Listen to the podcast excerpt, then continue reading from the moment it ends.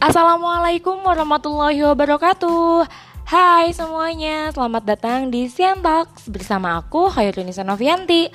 Nah teman-teman di episode pertama ini aku akan mereview materi perkuliahan tentang dari mata kuliah administrasi penyuluhan. Nah materinya itu tentang pembahasannya mengenai uh, konsep dasar administrasi. Nah, teman-teman, sebelumnya nih aku mau nanya gimana kabar kalian? Semoga selalu sehat ya, baik-baik. Kita juga semuanya, pokoknya kita selalu berdoa, kita selalu sehat, happy, dan dijauhkan dari hal-hal negatif yang bisa membuat kita stres sehingga mengganggu kesehatan kita. Amin, amin, amin, robbal alamin.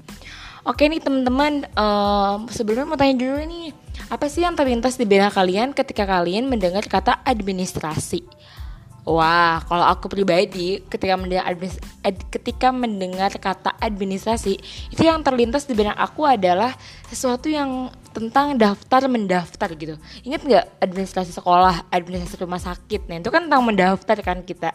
Ataupun tentang hal-hal yang surat menyurat, hal-hal yang baku seperti itu ya, teman-teman. Tapi memang benar seperti itu, teman-teman. Itu nggak salah. Tapi ternyata administrasi itu sangat luas jangkauannya ya, teman-teman.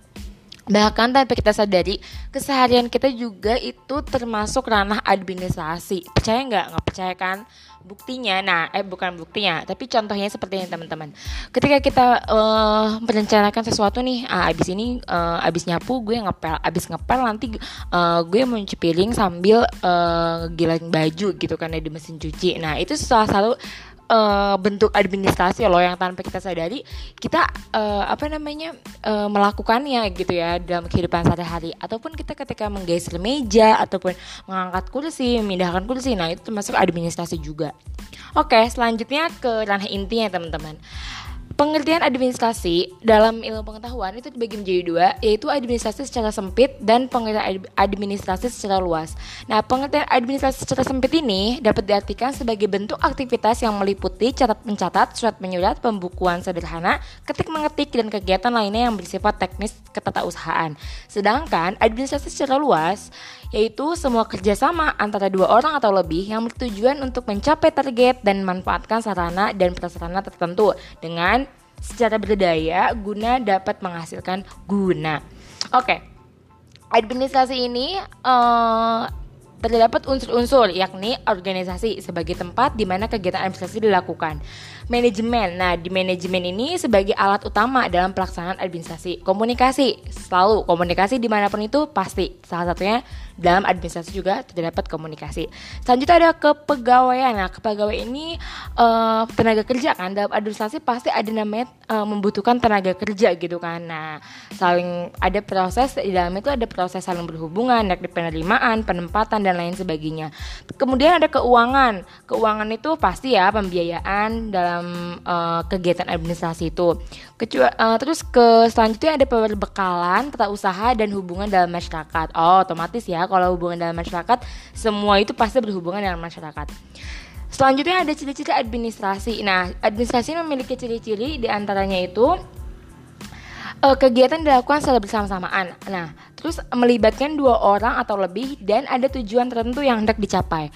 Nah, ngomongin tujuan, apa sih tujuan administrasi itu? Nah, Administrasi itu bertujuan untuk pertama menyusun program usaha, kedua mengevaluasi kegiatan organisasi, ketiga memantau aktivitas administrasi dan keempat memastikan keamanan kegiatan usaha.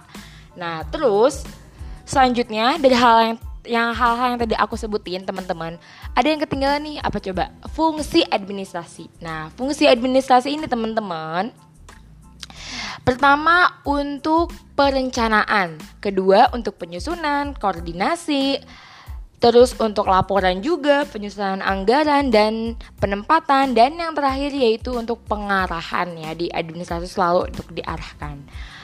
Dan yang terakhir nih teman-teman uh, di dalam administrasi itu ada yang namanya uh, orang yang orang yang bertugas dalam uh, tugas administrasi gitu ya menjalankan administrasi itu disebutnya administrator.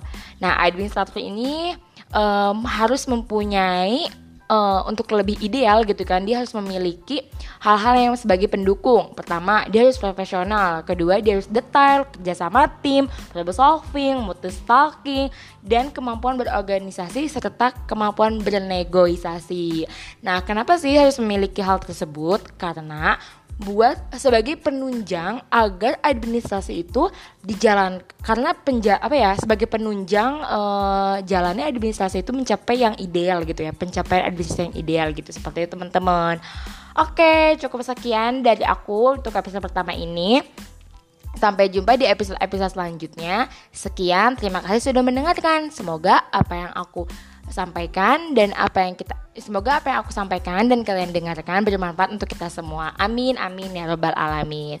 Oke, okay, see you next time. Wassalamualaikum warahmatullahi wabarakatuh.